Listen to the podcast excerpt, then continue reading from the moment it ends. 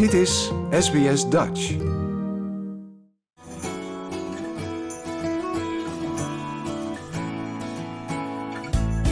Waar Nederlands met me, even Nederlands met me. Hoi, ik ben Joyce, and today we have another Dutch mini lesson. Today we're talking about our E. and don't worry, it doesn't sound as scary as the sound in English makes it sound. The E in English, to help you elaborate a little bit, the E in English is a silent E when it comes at the end of a word. So in English, we do say the. So T H E is the. So you do hear it there. But in other words, we often don't hear it. In Dutch, we like to pronounce our letters. We love it.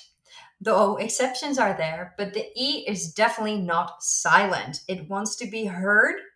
And this is one of the biggest mistakes that students make. They see an E, but they don't say E.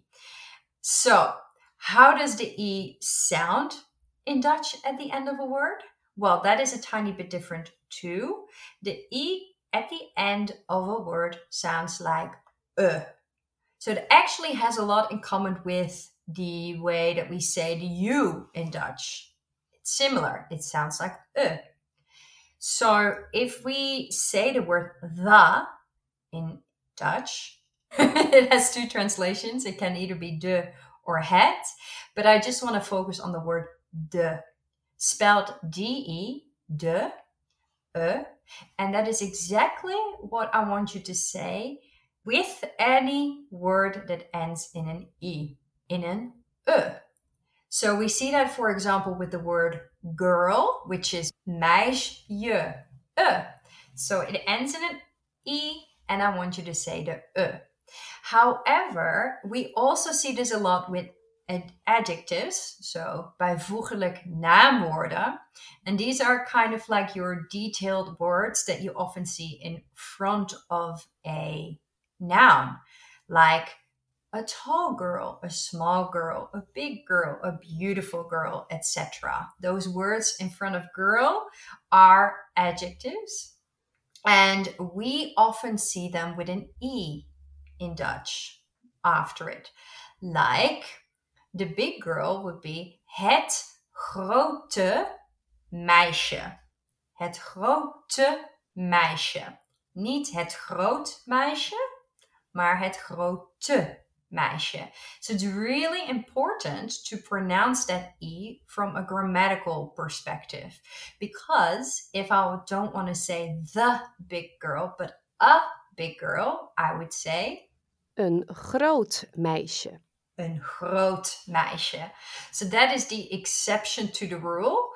If we have an het woord, het meisje, but we want to make it undefined by using a, een, then we don't say that e.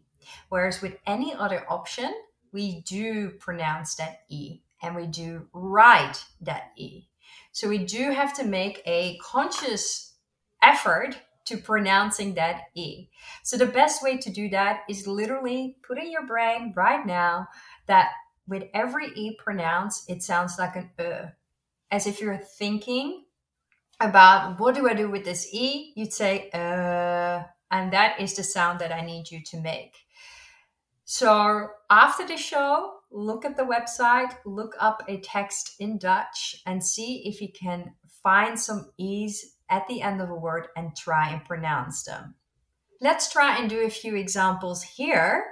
We already did the big girl, which is Het grote meisje.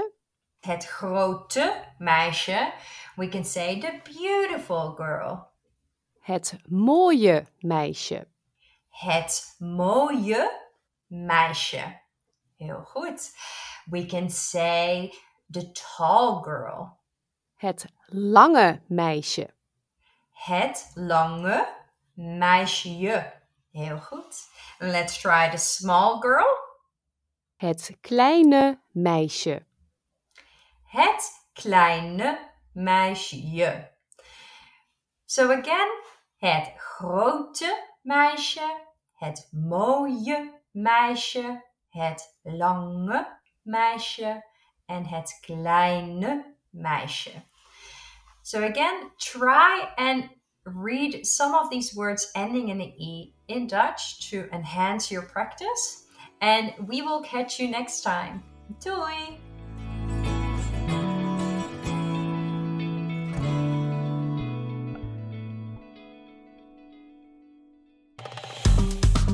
Like, deel, geef je reactie. Volg SBS Dutch op Facebook.